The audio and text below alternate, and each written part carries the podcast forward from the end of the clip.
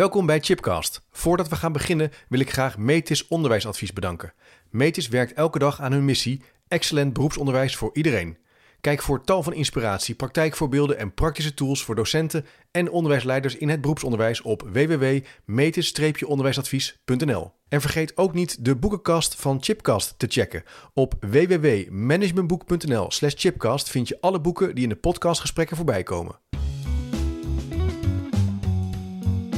Welkom bij een nieuwe aflevering van Chipcast. Een podcastserie waarin ik op zoek ga naar verrassende antwoorden en nieuwe perspectieven op vragen die mij bezighouden.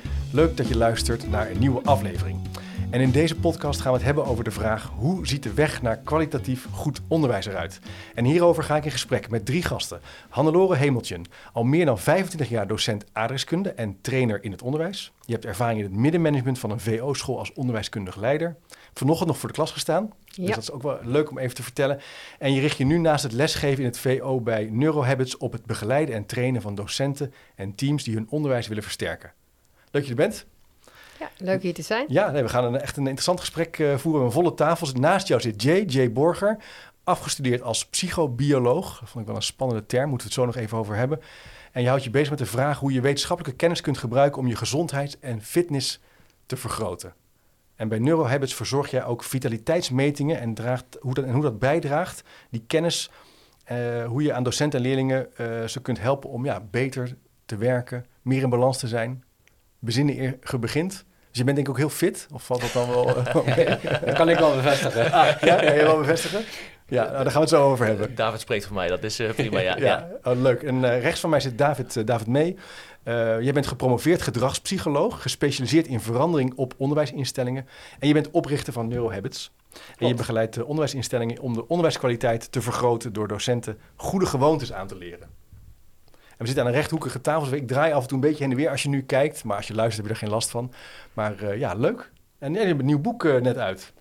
Ja, klopt. Dus dat is misschien ook wel even heel tof om te zeggen. 33 tips voor VO-didactiek. En dat heb je geschreven met Wessel Peters en Michiel Lucassen. Ja, dat klopt. Dus dat is ook wel weer uh, net uit. Uh, ik zal even een linkje plaatsen naar de website. Uh, hoe voelt dat? ja, heel leuk. We hebben eerst samen met um, Michiel en Wessel van Vernieuwende Wijs... hebben we eerst samen een boek geschreven voor HO-didactiek. Ja. En het werd ja, heel erg goed ontvangen. Uh, men waardeerde het heel erg. Dat zijn natuurlijk, ja, het is redelijk complexe materie die we heel simpel hebben samengevat. Hè? Ja. Dus we geven over een bepaald onderwerp heel kort een samenvatting uit de wetenschap. En daar komen dan vervolgens drie tips uit over hoe je dat in de klas kunt inzetten. Ja. En we hebben ons eerst gericht op het HO en nu hebben we ons gericht op het uh, VO. En nou, het is een week geleden dat we het op LinkedIn hebben geplaatst. En uh, we krijgen er heel erg veel uh, ja, reacties van, van docenten die al met tips aan de slag zijn gegaan. Dus dat is heel erg leuk om te horen. Super, super. Nou, uh, we gaan denk ik ook in het, tijdens het gesprek af en toe misschien wel iets uit het boek halen. Um, dus dat is denk ik al heel leuk. Um, ja, die vraag hoe ziet de weg naar kwalitatief goed onderwijs eruit, die gaan we proberen te verkennen. Um, Hannelore, ja, in het onderwijs moeten we natuurlijk ontzettend veel. Hè? Er is heel veel werkdruk, tijddruk, ja. leraren tekort. En toch zei jij net al in de voorbereiding, ja, je moet goed nadenken, goed bezinnen voor je begint. Goed tempo kiezen. Ja. En soms zijn jullie wel een jaar lang aan het analyseren voordat jullie nou ja, echt met een plan van aanpak komen. Nou ja, dat zou je kunnen zien als een plan van. Toen dacht ik, wow, dat is ook wel even apart. Uh, kan je er iets meer over vertellen? wat maakt nou dat jullie kiezen voor dat langdurige analyseren met collega's? Nou, uh, wat we heel veel zien uh, is nou ja, dat scholen een ambitie hebben. Ze willen bijvoorbeeld, nou, een school wil bijvoorbeeld dat leerlingen beter uh, tot zelfregulatie komen. Ja. stel dat dat je ambitie is. Wat we vaak zien is dat je dan gaat zoeken naar trainingen. om, en dat kan bijvoorbeeld de didactiek van formatief handelen zijn, want formatief handelen, die didactiek gaat zorgen dat leerlingen beter kunnen zelfreguleren.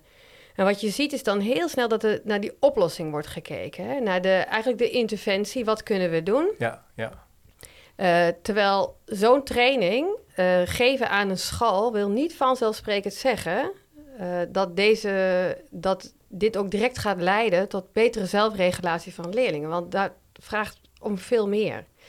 En nou, bij Neurohabits gaan we stilstaan, eerst even stilstaan, maar wat kunnen we nu doen? En om ervoor te zorgen dat het werkt. En dat doen we door te kijken, waar staan we nu?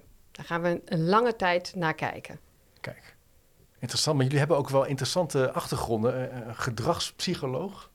Dat is ook wel spannend. Kan je iets zeggen over de wat dat voor degene die nu denkt, ja, ik kan wel die twee woorden bij elkaar brengen. Kan je iets verder proberen toe te lichten? Want je bent echt ook gespecialiseerd in, in dat verandermanagement, in dat ik veranderen. Denk, ik denk dat psychologie sowieso wel gaat over gedrag. Ja, ja. Uh, maar ik, ik, kom uit de, ja, de cognitieve psychologie. Dus als je psychologie gaat studeren, dan moet je op een gegeven moment een keuze maken. Je kunt je verdiepen in de klinische psychologie. Je kunt je verdiepen in de cognitieve psychologie. En ik heb me verdiept in de cognitieve psychologie. En dan gaat het heel erg over hoe leert het brein nu precies? Hey, hoe kom je tot leren? Hoe werkt het geheugen? En uh, ik kom zelf uit een onderwijsgezin. Dus mijn vader, stiefvader, uh, stiefmoeder, die geven of hebben in het onderwijs les gegeven. Oh ja, oké, okay, oké. En um, ja, mijn, uh, ik, om, om, om, ja, ik heb neuropsychologie, uiteindelijk ben ik daarin gepromoveerd. En mijn stiefvader die vroeg me op een gegeven moment van... hé, hey, jij weet daar zoveel van en op mijn school proberen we leerlingen te leren reflecteren. zou je daar misschien eens een keertje wat over kunnen uitzoeken... en een workshop over kunnen geven op school? En dat was heel erg interessant, want als je dan kijkt naar hoe scholen uh, reflecteren, leren aanpakken en wat de wetenschap daarover zegt, dan zie je dat dat best wel ver van elkaar afwijkt. Oké. En dat vond ik heel erg interessant. Dus ik heb daar toen een workshop over gegeven aan docenten. En die zeiden zo van, oh, dat staat eigenlijk heel erg haaks op wat we hier doen. Hè? We werken hier met vragenlijsten en eigenlijk zegt de wetenschap dat je dan reflectiezombies creëert. Letterlijk komt dat uit een wetenschappelijk uh, artikel. Uh, dus, reflectiezombies. Ja, dus dat smaakte naar meer. Ik vond het hartstikke leuk om ja. dat uh, uit te leggen en docenten daarin mee te nemen. Uh, maar ik kwam er ook best wel snel achter dat als je een keer een workshop geeft, dat dat niet zorgt voor gedragsverandering. Hè? Nee. Waar het dan bij mij uiteindelijk uh, wel om zou moeten gaan. Ja, want je wil lange termijn impact. Je wil echt dat het leidt tot ja, een soort consistent ander gedrag, beter gedrag, prettiger gedrag. Ja, nou ja, als, als je het hebt over reflecteren bijvoorbeeld, dan ja. wil je dat die kennis uiteindelijk in het klaslokaal terechtkomt. Ja, bijvoorbeeld. Ja. En dat is niet te realiseren met één workshopje. Dan zit je al heel erg op die interventie. Nee. Dus je moet eigenlijk goed gaan nadenken, wat is er nu allemaal voor nodig om ervoor te zorgen dat we dat onderwerp, wat we belangrijk vinden, dat hoeft niet reflecterend te zijn, maar dat kan wel, in het uiteindelijk in het klaslokaal krijgen. Dat is ook een beetje conf confronterende realiteiten, want als je kijkt naar veel scholen, die hebben natuurlijk ja, studiedagen en die worden natuurlijk ook soms een beetje gevuld met ja, leuke thema's.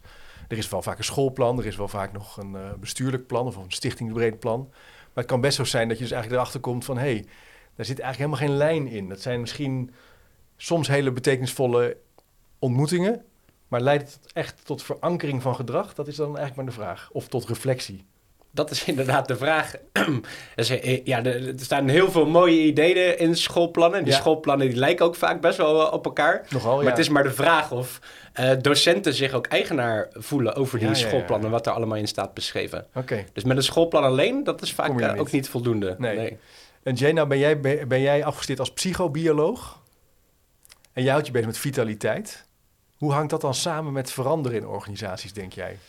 Ja, klopt. Ik denk, uh, kijk, als je wilt veranderen in organisaties, dan vraag je eigenlijk van mensen, van medewerkers, van docenten, om het net wat anders te doen dan dat ze het voorheen deden. Ja. Dus wat vraag je dan? Dat ze daar wat tijd en energie in moeten gaan steken. Uh, en de vraag is, is daar ook de mentale ruimte voor? Uh, en vaak merken we, en dat weet ik ook uit de cijfers, dat nou, werkdruk misschien voor een deel ja, zeker is toegenomen in het onderwijs om een heel aantal redenen. Um, en wij proberen vooral goed te inventariseren, is er inderdaad de ruimte, de mentale ruimte zo gezegd, om je dus te ontwikkelen uh, als school of te veranderen. Uh, want vaak loopt het daar spaak op. Dus we willen heel veel, maar misschien is er al niet veel meer mogelijk om uit te dijen qua nou, energie ja. en tijd. Uh, en dat maakt het heel erg complex om dan die verandering door te voeren. En zeker wat je zegt, naar de duurzame verandering, want dat is wat je uiteindelijk wil. Dat je op de lange termijn daar ook mee ja, aan de slag kan gaan. Hoe kom je daar nou achter of iemand mentale ruimte heeft om te veranderen? Wat, wat, wat, wat zou je dan, wat vragen jullie dan? Uh, hele goede vraag. Dus er zijn er verschillende vormen hoe je dat zou kunnen doen. Maar wat wij dus inderdaad, net werd al benoemd door Hannelore, dat we natuurlijk een heel jaar echt gaan meten.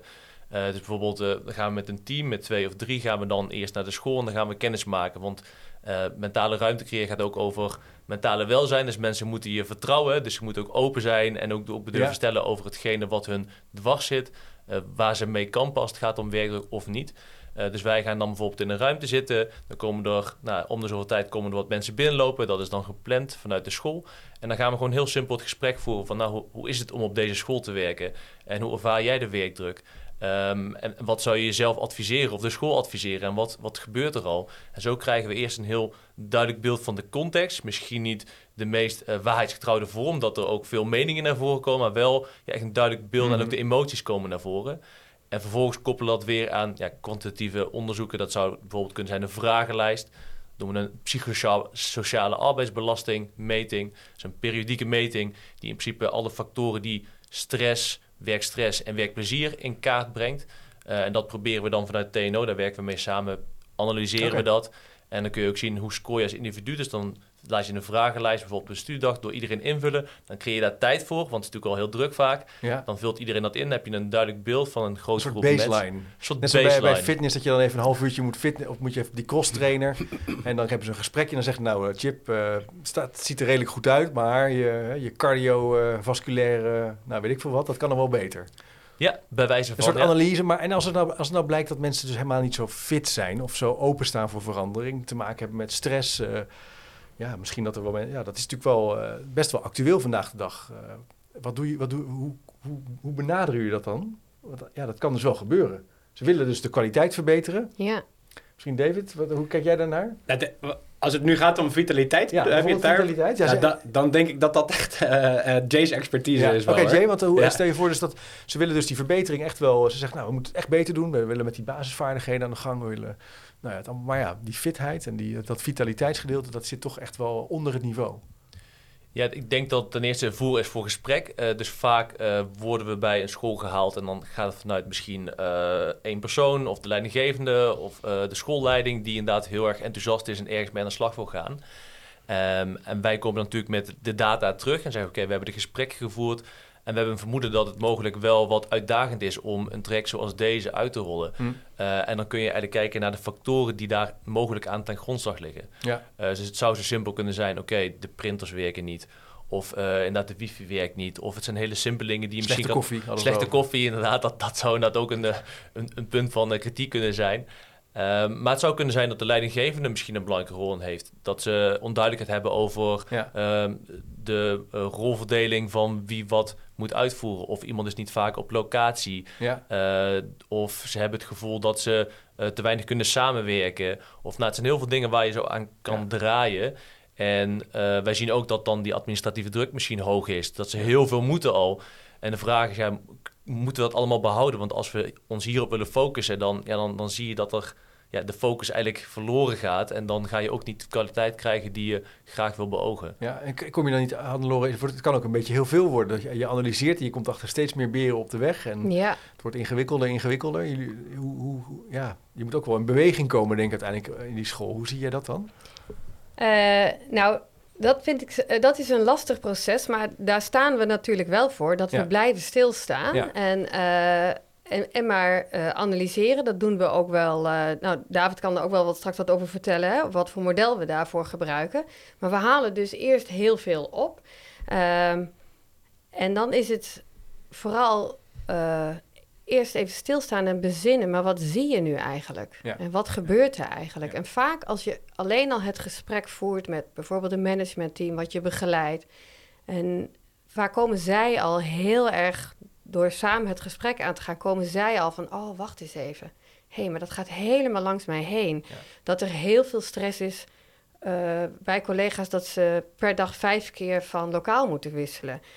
Dat zijn allemaal wel zaken die niet prettig zijn als je voor een klas staat en een klas is al druk. eh, en je moet heel vaak wisselen en dan werkt de printer niet.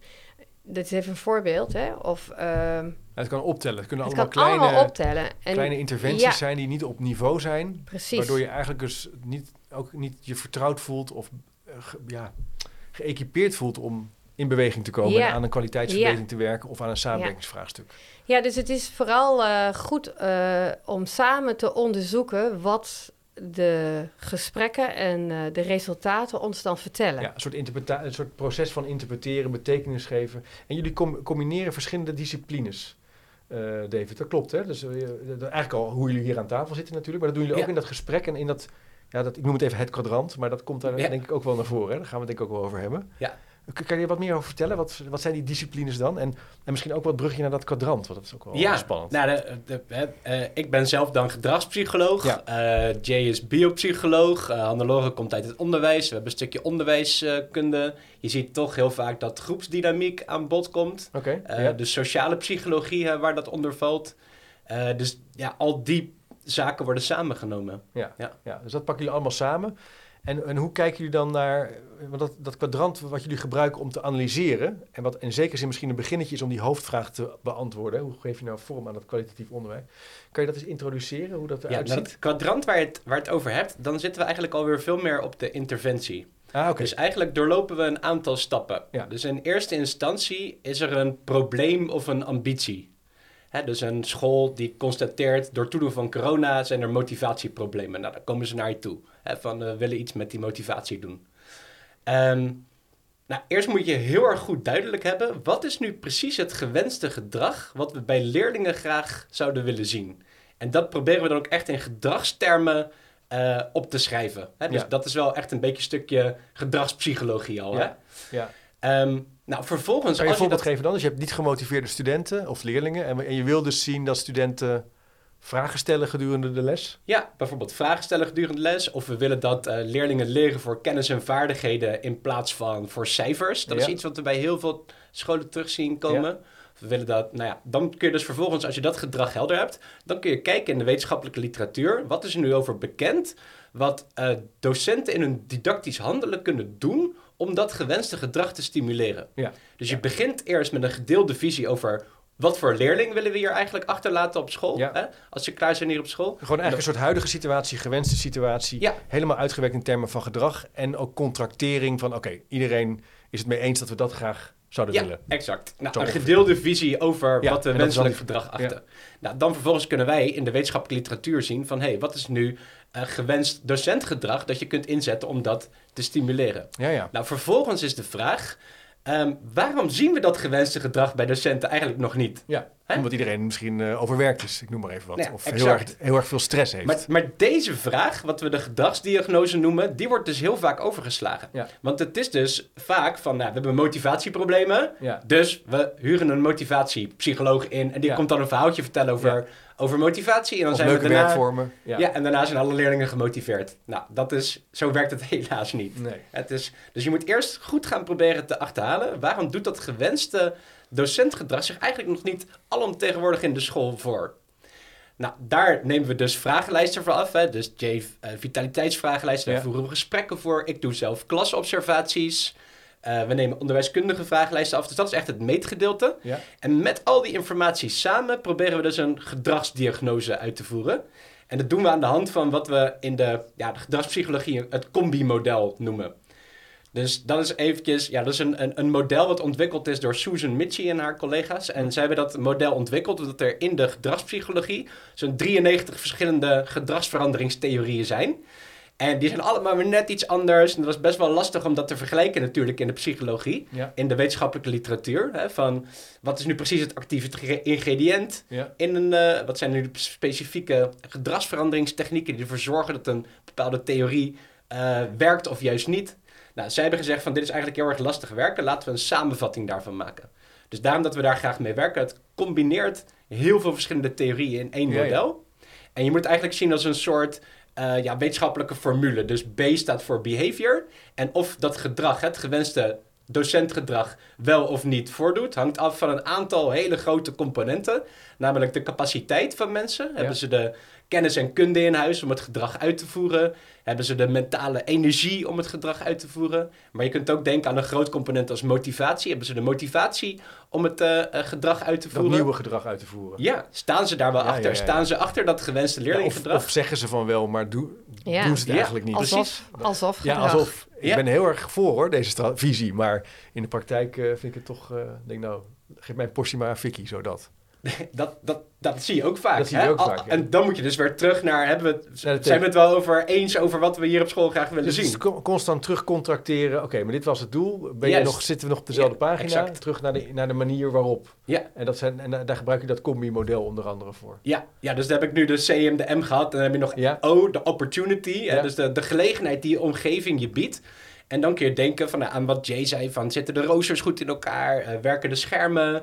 Ehm, nou, eh, staat de, is de koffie eh, eh, Ja. op Nou, de, de, temperatuur? de faciliteiten eigenlijk. eh, is er Ja. een prettige werkomgeving. Exact. Nou ja, niet alleen eh, de harde structuur, maar natuurlijk ook de professionele cultuur. Ja. Ja. Hè? Ja. Is er een cultuur aanwezig eh, waarin, eh, nou ja, waarin eh, je met elkaar aan het leren bent. Ja. Hè, waarin je eh, bij elkaar bijvoorbeeld kijkt, dat je van elkaar en met elkaar leert. Ja, dat is natuurlijk wel een punt, maar dat is niet op veel scholen. Ja, het gebeurt wel wat meer, maar eh, Ja. leerkrachten hebben natuurlijk ook wel de neiging om de deur dicht te doen. Ja, Dus dat zijn allerlei aspecten, ook ja, zachte kant van de leeromgeving. Wordt er feedback aan elkaar gegeven? ja. Juist. Is er een veilige omgeving waar je ook het niet mag weten, vragen Ja. kunt stellen aan elkaar? Of is dat blijkbaar echt done? En dat nemen ze allemaal mee en dat komt eigenlijk en die formule gaat daar, gaat daar eigenlijk steeds verder. Ja, dus dat neem je allemaal mee. En dat Ja. is heel erg interessant. Want in eerste instantie komt dus een managementteam of een schoolleiding komt naar je toe van... hey, er is iets, er is een kennishiaat. Eigenlijk zit je dan heel erg in die capaciteiten. Er is Ja. iets in de kennis en kunde en daar Ja. moeten we aan sleutelen. En als je dan wat dieper gaat graven, dan kom je erachter van... ja, maar er zit ook heel veel in de gelegenheid. Hè? De, de, de, de werkomgeving dan, van docenten... die is heel- eigenlijk helemaal niet ingesteld voor docentprofessionalisering. Ja, ja, ja. Dus dan moet je aan die knop ook gaan draaien. Dus dat, dat, die gedragsdiagnose, die combi-model, die maakt heel duidelijk... wat zijn nu precies de knoppen waar we aan moeten gaan draaien... om ervoor te zorgen dat de kans op het gewenste gedrag wordt vergroot. En dan kom je op een interventie met dat kwadrant Ja, je ziet, ik ben heel ongeduldig Ja. natuurlijk. Ik wil meteen naar, ik, ook ik wil meteen naar de oplossingen. Maar je zegt dus heel, heel zorgvuldig, nauwlettend analyseren. En daar gebruik je dat model voor. Ik vind het wel heel interessant. Het, is ook wel wetenschappelijk. Eh, En dat is natuurlijk ook jullie kracht, hè? Dat jullie wetenschap gebruiken. Krijg je niet af en toe leerkrachten die zeggen... ja, dit is wel heel wetenschappelijk, Jay. Eh, de, de wereld is niet alleen maar eh, st- statistiek en, en een formule uitwerken. Dat krijgen we wel eens te horen inderdaad, ja. Dus dan is het bij een training en dan zeggen ze... oké, het is leuk dat de theorie dat zo laat zien... maar hoe zie ik het terug in de praktijk? Ja, ja. Wij beseffen dat natuurlijk ook. En eh, misschien een side note wel natuurlijk... die theorie die komt natuurlijk ook uit de praktijk. Dat zijn natuurlijk onderzoek gedaan in klassen. Maar ik snap hun, hun, hun feedback eh, en kritiek daarop zeker wel. En wij zeggen ook altijd van... ja, het is altijd...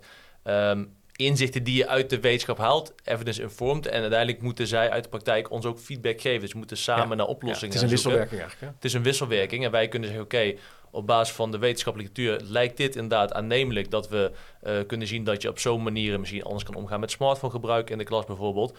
Nou, kunnen jullie dat eens testen voor een aantal weken en dan ook weer feedback geven aan ons, zodat wij kunnen kijken wat Ja. kunnen we daar weer uithalen. En ook eigenlijk dat wetenschappelijke model, Ja. dus hypothese testen, testen van wat je... Maar eigenlijk steeds verder analyseren. Want het interessant dat je dat voorbeeld van die smartphone noemt. Want je ziet vaak dat scholen nu dan bijvoorbeeld zeggen... ja, we willen smartphoneverbod. Hè? Dat zou dan moeten. Maar het lukt ze vaak niet, omdat ze onderliggend niet in slagen... om met elkaar bijvoorbeeld gemeenschappelijke afspraken Juist. na te komen. één beleid te kiezen. En dan gaat iedereen het een beetje op zijn eigen manier doen. Dus dat, dat is natuurlijk wat jullie ook ontdekken... naarmate jullie ja. met die formule en die observaties eh, aan de gang een gaan. heel mooi voorbeeld wat wij ook vaak horen terugkomen. Hè, dus ehm, ja, hartstikke leuk de telefoons verbieden. Ja. Er is ook wel wat wetenschappelijk onderzoek laat, dat laat zien dat dat een positieve invloed heeft op de leerlingprestaties uiteindelijk. Eh, maar ja, zie het maar eens voor elkaar te krijgen als er geen gemeenschappelijke visie is over hoe je met die telefoon moet omgaan. Want er zijn Ja. ook docenten die zeggen van ja, maar ik zet het in voor een, eh, een Kahoot of een Mentimeter en ik, Ja. eh, ik kan het wel heel erg goed plaatsen Ja. in mijn didactiek. Maar dus ik ga Hollands, dat in mijn klas niet doen. Nee, want niemand durft dan te zeggen, nou dat is wel prima, maar dat gaan we dus niet hier doen, want we hebben dit afgesproken met elkaar. Dus helaas, en dat is durf, in Nederland is het natuurlijk ook een beetje do, dominee en koopman tegelijk, hè? grote Ja. woorden, maar het, het echt naleven van regels vinden we toch een beetje ingewikkeld. En Hannelore, wat zijn dan de grote valkuilen die jullie tegenkomen in dat analyseren? Zijn er nou, ja ik wil niet zeggen top 5, maar wat zijn nou dingen die scholen, eh, eh, elke school wil het wel beter doen, maar wa- wat zijn nou dingen die ze doen waarvan je zegt, ja dat is toch wel, moet je wel voor oppassen? Nou, wat, wat wij nu wel heel veel zien, nu we zo eigenlijk grondig stilstaan, wat we heel veel zien is eh, dat er heel veel moet. Dat, dat je bijna niet als, ik heb natuurlijk zelf ook in het management gezeten, dat je bijna geen focus, eh, met focus durft te werken. Dat Nee. je het heel lastig vindt om dingen los te laten. En dat is natuurlijk ook heel lastig, want eh, als schoolleider eh, moet je ook heel veel. Net als docent, maar als schoolleider moet je ook heel veel. Je hebt ook heel veel ballen hoog te houden. Ja. En durf je dan met focus te kiezen. En, en wat laat je, als, als je iets anders, als je iets nieuws gaat doen, je wilt bijvoorbeeld met elkaar formatief handelen, ja, dan zal je daar ook iets voor moeten laten, want je kan er niet nog meer werk bij doen. Nee. Nou, dat, Ja, Ik denk wel dat we dat- stip op nummer 1. ik denk het wel, veel aan als jullie wat anders zien eh, Ja. zeggen. Ja, nee, daar ben ik het helemaal mee eens. Eh, keuzes durven maken, Ja. maar ook te snel naar een interventie willen gaan. Hè, dus ehm, op het begin heb ik echt die fout gemaakt om dan, bij, als je voor gevraagd wordt voor een workshop, daarop in te gaan. En nu is het eigenlijk, onze eerste reactie is van, nou, dat, wij geloven niet dat dat werkt. hè, eh, als ze dan echt Jullie blijven aandringen, willen we nog wel een workshop geven. ja, maar precies. we denken niet dat dat de beste interventie is. Ja, ja, ja. Snel naar een oplossing. Dus dat is het eerste punt. Hè, dus gebrek aan focus en durven kiezen. Twee is heel snel een oplossing willen. Dat is denk ik ook Ja. wel een punt. Wat zou nou, zou nou nog eens een valkuil kunnen noemen? Jij misschien vanuit jouw perspectief gezien van, van vitaliteit? Ja, dat is een eh, goede vraag. Ik ben aan het denken van vitaliteit. Ik denk eh, dat misschien toch wel inderdaad ook daar het gesprek ook eerst over aangaan. Van oké, eh, hoeveel ruimte heb je daadwerkelijk om nog iets erbij te doen? Ja. Eh, dus soms misschien hoor je ook wel eens dat ze niet het gevoel hebben van... oké, weten we wel echt wat er speelt op de werkvloer? En dat, Ja. dat medewerkers misschien iets meer druk ervaren... dat het daadwerkelijk ja. zichtbaar is bij een schoolleiding of bij een school. Dus gewoon gebrek aan beleving. We snappen van elkaar hoe ze in de wedstrijd zitten. Hoe ze zich voelen. Ja, ze zich, eh, ja, En ja. ik, denk dat ook, dat is ook lastig natuurlijk, hè? want dan moet je ook echt de tijd voor kunnen nemen. Ja, dan moet je iedereen spreken. Er zijn natuurlijk heel veel mensen, dus het is ook niet makkelijk om dat te doen. Er zijn Nu je waarschijnlijk... dat zegt, hè, ik, heb, ik vind dat vitaliteitsthema wel toch wel stiekem heel interessant. Want ik, eh, ik heb een keer een jaar geleden voor de podcast van Simon van der Veer een keer Toon Gerbrands geïnterviewd. Nou, hij interviewde Toon Gerbrands en ik mocht mee om de knoppen te bedienen. En dat was in het PSV-stadion. En toen was ik overigens te laat. En dat bij Toon Gerbrands niet oké. dus hij heel streng. Ik mocht bijna niet eh, binnenkomen. Maar goed, hij mocht binnenkomen. Maar hij vertelde dus eh, dat zijn visie op vitaliteit en fit, fit zijn... is dat hij zegt, ik moet een lege agenda hebben als directeur. Dus ik wil geen eh, vergaderingen in mijn agenda. Dat doe ik niet. Ik loop rond. En ik wil van iedereen weten hoe het met ze, hoe het met ze is. Hij liep ook veel rond in de, in de eh, kleedkamer om met, met die spelers te vragen. Ook tatoeages was hij zich in aan het verdiepen. Omdat hij wilde weten van wat houdt ze bezig? Ja. Hoe ervaren ze stress? Ja. Wat voor cafés gaan ze? eh, wat voor vakantieland gaan ze uit? Eh, gaan ze naartoe op vakantie? Om te snappen van, ja, hoe voelen ze zich? En ik denk dat dat wel een interessant punt is. Dat is niet echt een gesprek. Hij had het bijvoorbeeld ook over te zwaar zijn of niet. Daar sprak hij ook mensen op aan. Of ze wel thuis gingen eten met hun familie, met hun kinderen. Daar was hij ook heel streng op. Ja, ik kan het gewoon terugluisteren. Ik durf het wel te zeggen. Dat hij daar, daar sprak hij de mensen op aan. Heel ongewoon eigenlijk. En, en wat was zijn, eh, zijn, zijn conclusie Nou, hij zei eruit? dat, dus, eh, wat jij zegt, dat we dat dus, hij zei, je moet dat weten als je Ja. een goede manager wil zijn. Je moet Ja. weten hoe mensen hoe ze zich Ja. voelen. En, en, en dat is eigenlijk ongewoon, maar dat heeft wel met vitaliteit te maken. Ja, ik ga nu een beetje aan de haal met jouw Nee, thema hoor. Maar ik- goed, eh. Nee, ik vind het heel interessant. Ik, denk dat het uh, inherent staat aan een, aan een managementfunctie Ja. eh, binnen elk bedrijf. En eh, dat dan even los van, van het onderwijs. Maar ik denk dat bij heel veel organisaties, zeker waar we ook komen, of in ieder geval ik ook misschien nog wat meer, dat je ook ziet dat mensen die heel goed zijn in een vak, uiteindelijk in een soort van managementpositie komen en dat vak zo goed blijven beoefenen, maar Ja. vaak vergeet dat ze ook leiding moeten geven aan. Ja. En dat betekent ook, ik moet gehoor geven, ik moet zorgen voor een veilige omgeving eh, en daarin ook ondersteuning bieden. En dat is eh, heel lastig, eh, ook al heb je er veel kennis van. dus dat is altijd ja, aan blijven staan en het gesprek kunnen en willen aangaan. Ja. Ja, zeker. Dus ik, ik zie daar zeker ja, niet alleen op de inhoud. Je moet niet denken dat je alleen met een, met een ehm, bord met continu verbeteren aan de gang moet gaan. Nee. Maar ook dus eigenlijk die andere relationele kant. Ja. Maar dat gaat dus ook, wat jullie dus in die analysefase doen, zoals ik het begrijp, is constant bedenken, oké, wat zou je willen? Maak dat heel meetbaar en analyseer hoe je er nu voor staat. Voordat je eigenlijk een oplossing gaat. Ja, bedenken. zeker. En ook dat, meten, dat is voor ons een nulmeting. Hè? Dus onze verandertrajecten die duren soms drie tot vijf jaar bij Neurohabits. Maar ehm, d- dat, dat, die eerste meting, dat is je eikpunt. Van, hey, van hier willen we iets anders. Ja, ja. En dan die, die nameting. Nou, als ik dit verhaal bij scholen vertel... eh, dat, is best wel, dat is best wel nieuw. Dat doen ze niet altijd. En ik denk dan van, ja, dit is gemeenschapsgeld. Dat moet echt goed worden uitgegeven, heel zorgvuldig. Dus je moet supergoed weten wat een interventie qua effect heeft opgeleverd. En heel veel scholen kunnen me dat niet vertellen over workshops of over verandertrajecten. Denk ik, ja, dat is Ja, toch dat ze een beetje zorgelijk. ja, dat ze dan op het eind zo'n zo'n A4'tje hebben met, eh, nou, hoe waren de broodjes en eh, hoe was de spreker. Dat evalueren Ja, is vaak maar dat is niet helemaal wat ik bedoel. Nee, maar nee, nee, nee, maar jij zegt dus eigenlijk van dat moet je dus juist heel goed analyseren. Daar zouden we juist beter Ja. in moeten worden. Maar het, in, in die zin komen we natuurlijk ook, als je een beetje uitzoomt en je kijkt naar de literatuur over onderzoek doen, hebben we een lange tijd gehad dat dat analyseren. Ik denk 15, 20 jaar geleden was dat heel belangrijk. En dan kwamen we ook in een soort tijd van actieonderzoek, praktijkonderzoek in de school. Snel beginnen. Hè? Ja. Eh, niet analyseren is belangrijk, maar ga maar eerst iets uitproberen. Hè? Eh, design thinking-achtige, die toch een beetje wegbewegen van de analyse. Ik, ik zei bij een woord hoor, maar Ja. ik denk dat jij wel echt een, of jullie wel echt een appel houden voor dat vertragen en voor dat analyseren. Ja, maar ik denk dat wat wij doen in... eh, hè, we, uiteindelijk hè, gaan we aan de slag in trainingen... en wat we ontwikkelgroepen noemen. En nou, als, als dat geen actieonderzoek is, Nee, dan weet ik het ook niet Nee, meer. nee. Eh, want dan gaan we juist met docenten samen kijken van wat kun jij nu morgen in je les doen. Hè? Ja. Dit, is de, dit zijn een aantal wetenschappelijke inzichten. Ja. Wat kun jij hier nu uitpakken om morgen mee aan de, aan de slag te gaan? En nou ja, houd bij wat daaruit komt. Hè? Ja. Wat deed het met de leerlingen? Wat Ja. deed het met jou? Eh, wat deed Ja. het met de medeleerlingen? Wat heeft het nu opgeleverd? Dus dat Nou, is wel heel erg actieonderzoek. Ja, uit een goede analyse. We hebben recent met Martin Ooyevaar een podcast opgenomen over wat je van toetsen kunt leren. En eigenlijk zijn punt was ook, ik vat het even heel plat samen, van de analyse is eigenlijk het belangrijkst. Je hoeft niet meteen te bedenken wat dan nu, wat dan nu, maar met elkaar chocola maken over die CITO of over die schaduwtoets, dat kan al heel veel opleveren.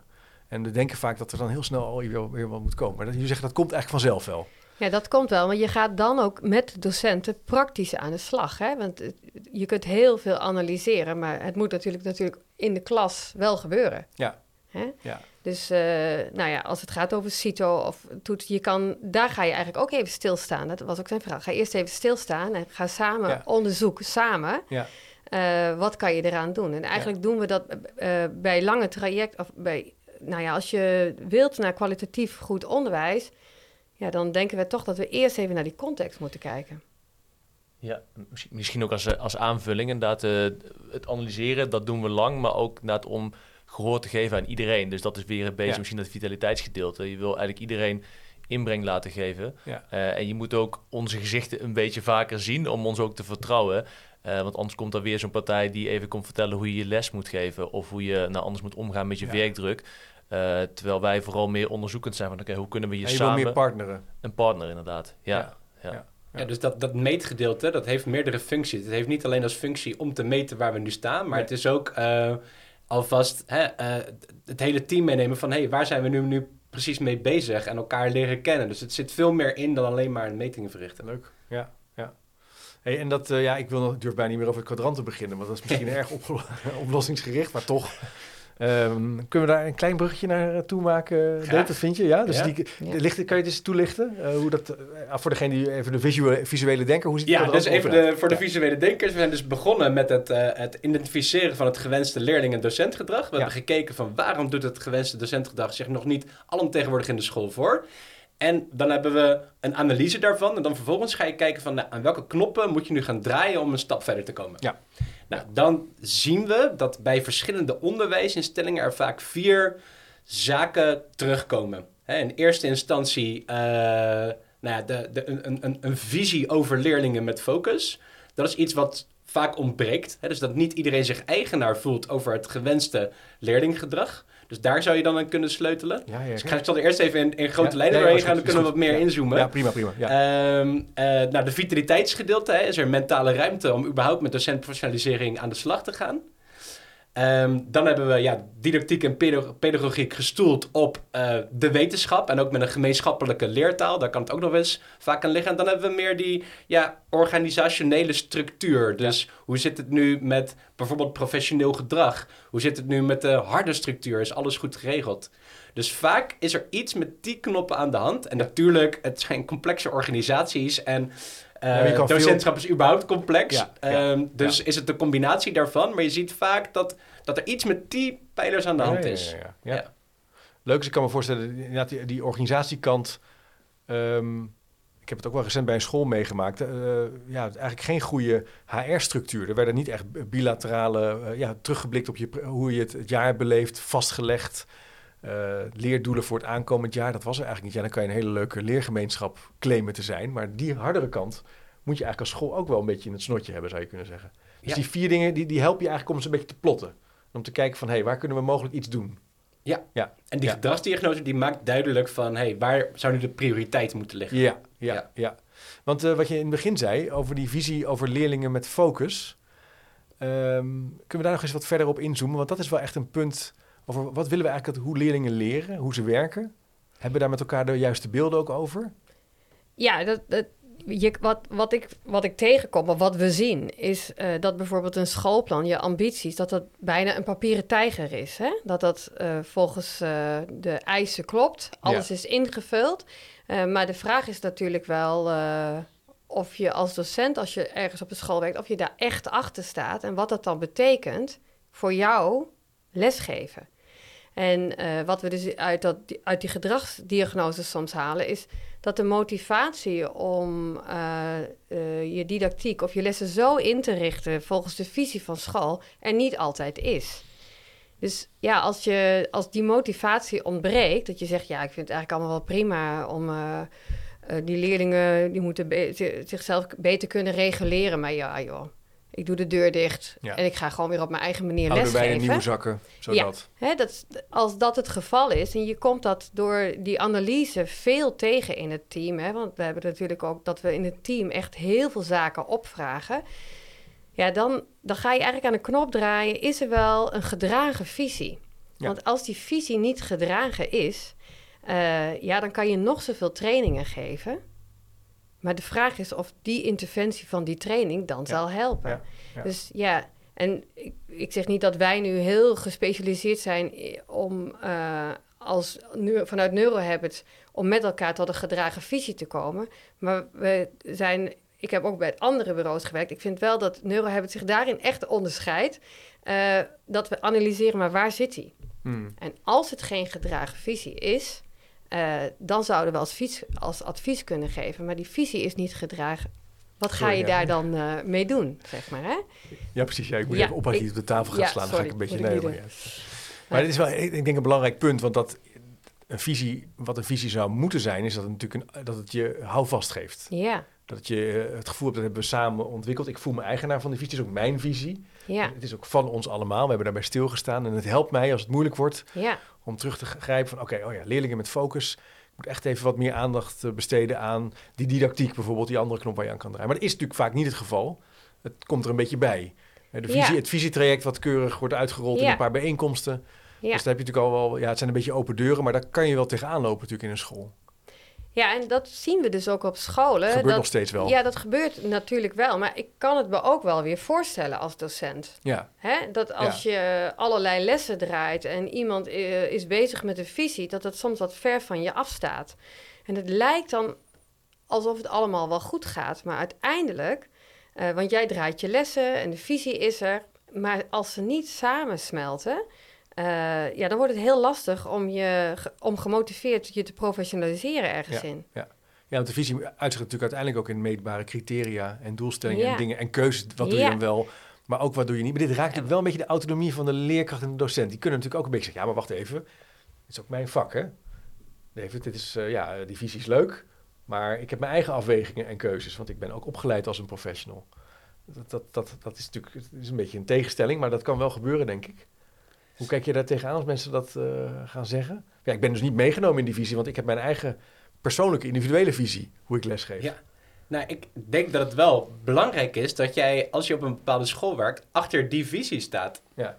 Dus het, ik zou het heel erg raar vinden, zeg maar, als jij um, heel erg fan bent van Agora bijvoorbeeld, dat je op een uh, streng gereformeerde school gaat ja, werken, ja, waar er heel erg traditioneel les wordt gegeven. Ja. Um, dus ik, ja, ik denk dat dat wel belangrijk is. Dat je ergens achter die visie staat. Ja, dus je, dat je je ook uitspreekt. Dat je, ook, uh, dat je een plek kiest wat past bij uh, waar je zelf in gelooft. Ja, en ik, ik denk dat um, hè, heel vaak dan zijn docenten niet betrokken geweest bij, bij het proces. Dus we hebben zijn we bij scholen binnengekomen. Dan gaan we er trainingen over, uh, over een bepaald onderwerp, formatief handelen bijvoorbeeld. En dan, uh, nou ja, waarom over dit onderwerp? Hè? Waarom zouden we hiermee ja, aan, de, ja. aan de slag willen gaan? Nou, dat staat in jullie schoolplan. Nou, en dan gaat even de beurput open over hoe dat schoolplan uh, tot, stand is, tot stand is, gekomen. En dan denk ik, ja, nou ja dan, dan, dan begrijpen wij wel van, hé, hey, hier, dit is niet een gemeenschappelijk proces geweest. En dus hebben ze dus ook geen zin in die training, want zij staan er helemaal niet achter. Nee. Nee, dus, dan, dus dat analyseren, ja precies. Dus analyseren gaat wel hand in hand met uiteindelijk bepalen waar je voor met elkaar wil, waarvoor je wil gaan. Wat, ja. wat jullie gemeenschappelijke uh, waarden zijn. In die zin, ja. En um, vitaliteit uh, is natuurlijk is ook een, een heel interessant thema. Ruimte had je het al over, mentaal. Ruimte om je werk goed te kunnen doen. Maar ook werkdruk, ritme, bovenspanning, onderspanning. Ja. Maar als je natuurlijk de hele dag voor de klas staat, is best wel topsport. Uh, hoe, hoe, hangt dat samen met dat analyseren en, en hoe gebruik je dan dat vitaliteit om aan verbetering te werken? Dus ja. kan je eens een voorbeeld geven wat, jullie dan, wat zou je dan kunnen adviseren aan een school? Wat, wat heb je als meegemaakt? Je zegt, ja, daar hebben we dus echt wel, zijn we dan op gaan ingrijpen. Ja, we- we- kijk, wij leren natuurlijk ook nog steeds hè, elk jaar. eh, en, en dat vitaliteitsmerken ook, dat is een gevoelig onderwerp. Want het gaat natuurlijk om Ja. werkdruk. En me- mensen zijn soms ook al best wel eh, op hun tenen aan het lopen. En als je dan daarover begint, dan Ja. merk je ook van... oké, eh, raak ik de juiste snaar? Of er komen juist heel veel emoties naar boven. Ehm, en je kan het inderdaad vanuit verschillende invalshoeken kan je dat bekijken. Ik denk wij, dat wij vooral willen laten zien van... oké, eh, er is hier mogelijk werkdruk of niet. En als dat er speelt, dan merk je ook eerst... oké, fijn, daar wordt iets mee gedaan. Erkenning. Ja. Erkenning inderdaad. Maar daar moet dan ook op gehandeld worden. En dat kan vanuit verschillende invalshoeken. Dus je kan natuurlijk zeggen dat we inderdaad daar trainingen ook voor gaan aanbieden. Net zoals dat met formatief handelen kan zijn. Kan het ook voor vitaliteit zijn.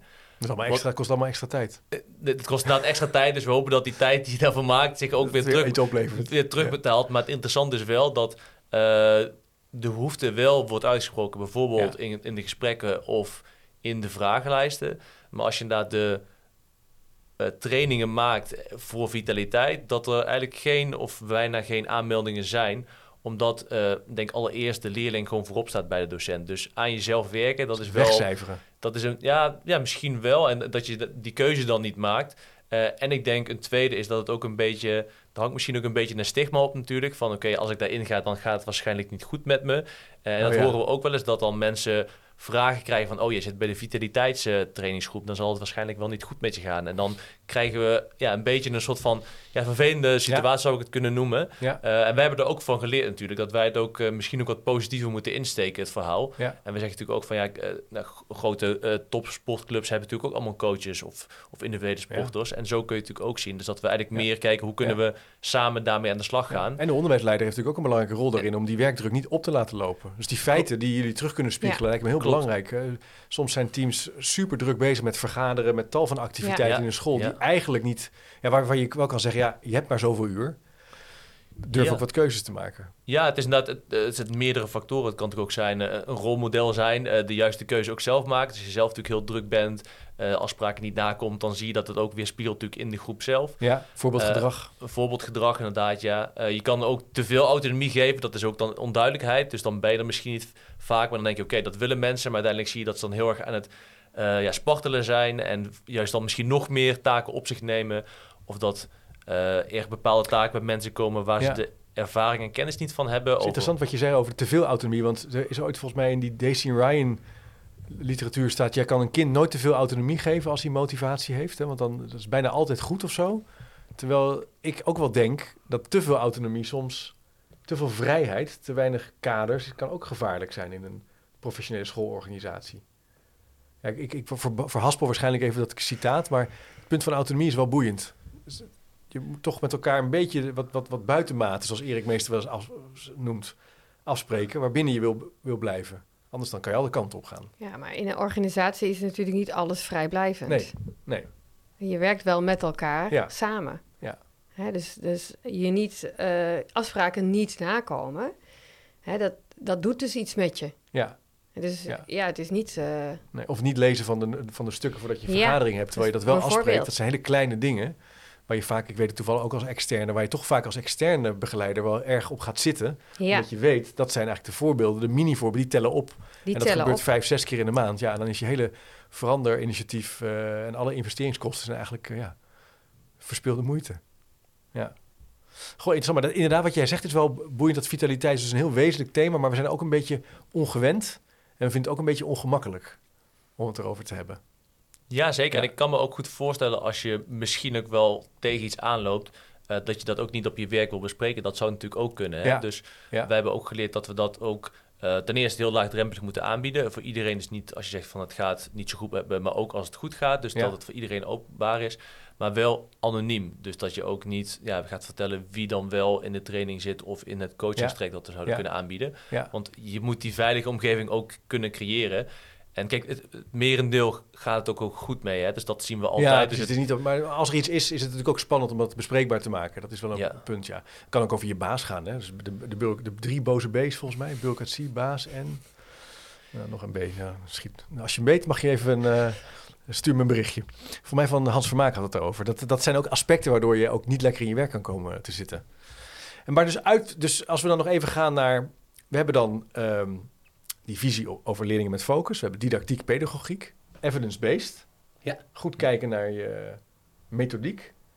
We hebben de, organisa- de organisationele structuur. Ja. En we hebben de vitaliteit eh, besproken. En dat is eigenlijk wat jullie betreft, dus die weg naar verbetering. En dan eigenlijk aangevuld met niet te veel in oplossingen denken, maar goed analyseren. Ja, exact. Ja. Dus in die ontwikkelgroepen, die, die trainingen die we lopen, we komen dan met een groep docenten acht maal per jaar bij elkaar. En daartussen moedigen we ze aan ook nog om samen te komen. Nou, in principe proberen we dat in te roosteren, hè, dat dat echt vast ligt, die ruimte voor ontwikkeling. En eh, nou, dan doorlopen we eigenlijk voortdurend de PDCA-cyclus. Dus Ja. hè, we lopen wat wetenschappelijke literatuur eh, door, Ja. bijvoorbeeld nou, die ik in het boek heb beschreven. Eh, vervolgens maak je een plan van wat ga ik nu morgen of deze week anders in mijn les doen. En dan nou, informatie al proberen op te vragen van de leerlingen. Of het feedback proberen te vragen. Zo van, nou, hoe was het voor jullie? Dat Ja. gebeurt ook niet altijd. En dan komen we weer samen en dan gaan we het checken en analyseren. Zo van, hé, hey, zijn we nu op de goede weg? Moeten we misschien nog een beetje schaven? Wat, wie heeft er succeservaringen behaald? Dat is super belangrijk om Ja. door te willen gaan überhaupt Ja. met ontwikkeling. Is dat ook wetenschappelijk onderbouwd, dat dat helpt, die successen? Ja, ik wil, Ja, zeker. Ja, dat is belangrijk. Dus dan, om het Ja. over de zelfdeterminatietheorie van Ryan en Daisy Ja. te hebben, dat is natuurlijk echt competentie. Hè? Ja. Dus wij proberen juist ehm, ja, heel erg bij ontwikkelgroepen stil te staan bij hoe kunnen we die succeservaringen vergroten. Ja, dus je hebt Dus- succeservaringen nodig om, om, om, om door te blijven gaan. Ja, zeker. Als jij je heel incompetent voelt, dat hebben we natuurlijk in het onderwijs. Hè? Leerlingen voelen zich heel vaak incompetent omdat ze alles de hele tijd fout hebben. Ja. Dus de principes van Rosensheim bijvoorbeeld, die zeggen van, nou, ja, zorg er nu voor dat 80% van de vragen goed beantwoord kunnen worden bijvoorbeeld. Ja. Geldt natuurlijk net zo voor docenten. Ja, interessant. hè? Als je nu luistert, hè, dus zo moet je even kijken naar je ontwikkeltraject. Je moet gewoon gegarandeerd succes kunnen boeken. Ja. Moet lukken. Kleine stappen. Kleine, Kleine stappen. stappen. Kleine stappen. En dus regelmatig bij elkaar komen. Ik vind het ook leuk, die PDCA-cyclus. Dat doet dus ook meer een beetje denken wat Martin Ooyevaar zei. Constant met elkaar Ja. in gesprek. Nieuwe experimenten, beredeneerd. En zo bouw je eigenlijk door. Overigens ook, eh, ja, het zijn allemaal PO-scholen hoor in dit geval. Maar de Drie Koningenschool eh zeiden dat ook. Hè. Dan ben je vijf, zes jaar bezig en dan ga je impact merken. Dan ga je Ja. merken dat je vooruit komt. Ehm, nou is het in het, in, het, in het boek wat jullie hebben gemaakt, hebben jullie ook allemaal tips hè? Eh, Ja. die jullie geven. Hè? Dus 33 tips voor VO-didactiek. Ja, Kunnen we er misschien even twee of zo even doornemen? Een beetje aan het slot van de podcast Nou, gekomen. ja, misschien als je nou... is het dan goed om eventjes naar tips te kijken die vaak leiden tot succeservaringen. Of waar docenten heel erg enthousiast van worden. leuk, leuk. Dus dan bijvoorbeeld. ehm, nou, ik zei natuurlijk ook al van, ik kom uit de neuropsychologie. Dus daar, in de neuropsychologie weten we dat mensen heel erg leren door het toedoen van voorbeelden. Eh, dus hè, je leert bijvoorbeeld lopen door heel erg af te kijken van je ouders. Hè? Dus dat, dat gebruik van voorbeelden, modeling wordt het dan genoemd, dat is heel erg effectief. Ja. Maar in het onderwijs dan is het vaak afkijken, imiteren. Ehm, je krijgt dan een lijstje met succescriteria. Hè, en dan moet je zelf maar een beetje gaan uitvogelen hoe die opdracht in elkaar zit. Nou, dan voel je dus al meteen weer heel erg incompetent. Ehm, Oh ja. Dus juist dat gebruik van voorbeelden. Toetsrevolutie Vernieuwende Wijze hebben er ook mooie stukken over geschreven. Ja. Juist dat werk aan kwaliteitsbesef. Voorbeelden van leeftijdsgenootjes. Zodat leerlingen zien ook van, hè, daar kan ik ook komen. Dus Niet het per se een- voorbeeld van een docent. Maar voorbeelden, voorbeelden vergelijken. Dialoog erover Superleuk, voeren. Succescriteria Dit kan je dus ook... eh, ja, ik zit je in de reet vast. Ja. Maar ik, ik heb er helemaal in. Dit kan, je- leg dit dus ook op je verandertraject. Laat zien waar het werkt. Juist. Laat Ja. zien hoe Ja. het werkt. En ja, ik, ik, zat jou, ik zat jou stiekem even boek te geven. Want er, een andere tip gaat dus ook over die gezonde leefstijl. en Die balans. Ja. Jay, dus dat is wel eh, leuk. Die staan er ook in, hè, in het boek. Klopt, ja. En ik denk ook dat dat eh, natuurlijk ook voor leerlingen geldt. En, en die vraag krijgen we ook steeds meer. Kijk, wat ik al zei, de, de leerling staat voorop bij de docent. Dus Ja. als het daarom gaat, en ook zeker na corona, zie je dat er wel wat, wat uitdagingen zijn wat betreft ehm, ja, hoe zij instaan, hoeveel goed ze hun aandacht erbij kunnen houden. En zaken zoals inderdaad ook beweging in de les, heel simpel. Af en toe voelt dat chaotisch. Ja, dat kan natuurlijk ook helpen om net een beetje meer ja, de aandacht toch erbij te houden. Ehm, maar het gaat natuurlijk veel verder. Hè. Vitaliteit is natuurlijk een heel erg breed concept. Ja. Eh, en hier zijn dingen over voeding heel kort in, over slaap eh, heel belangrijk. En ja, het gaat zo maar door. Dus het is natuurlijk veel, ja, laat zeggen, holistischer dan dat je het even zo kan... Kijk. Ja, Ja, ja, ja. Ik denk dat we een beetje aan het begin staan van, van, van, van toch een groot onderzoeksgebied, hè, wat, waar we steeds meer over gaan willen weten. Komt ook uit, natuurlijk uit Amerika, waar we ook dat langzamerhand eh, het meer en meer tractie begint te krijgen, maar het ook gaan ja, op onze eigen organisatie gaan, eh, gaan leggen. Waar we toch een groot deel van de dag eh, verblijven, een derde van de dag. Dus kan we beter een beetje gezond leven daar. Leuk, interessant. Ja, wat mij betreft, als je nu geen zin krijgt om met je organisatie aan de slag te gaan. Ik word overigens geen gesponsorde podcast, laat dat duidelijk zijn. Eh, ik vind het gewoon heel leuk wat jullie doen en hoe jullie ook zeg maar, wetenschap gebruiken om naar organisatieontwikkeling te kijken. En naar didactiek en naar lesgeven. Want die, ik denk dat die, die combinatie niet altijd zo eh, gemaakt wordt, ook in onderzoeksland. Dus dat is eh, mooi dat jullie daarin pionieren, maar wel op de schouders van, eh, van reuzen staan. Met, Zeker. met mooie, mooie tips, mooie, mooie trucs en mooie aanpakken. Blijf dus denken, niet te snel in de oplossing schieten. De linkjes naar de onderwerpen die in de podcast voorbij kwamen, die plaats ik even in de speaker notes. Uh, dankjewel voor jullie tijd. Um, ik zou zeggen, beste luisteraar, vergeet je niet te abonneren. Of bijvoorbeeld een review te schrijven over deze podcast als je het leuk vindt. Hoe eerlijker, hoe beter. En dat helpt voor de zichtbaarheid van het kanaal. Dat kan op Spotify, Apple Podcast of Google Podcast en zelfs op YouTube. En ik zou zeggen, tot de volgende keer. Nieuwsgierig naar meer?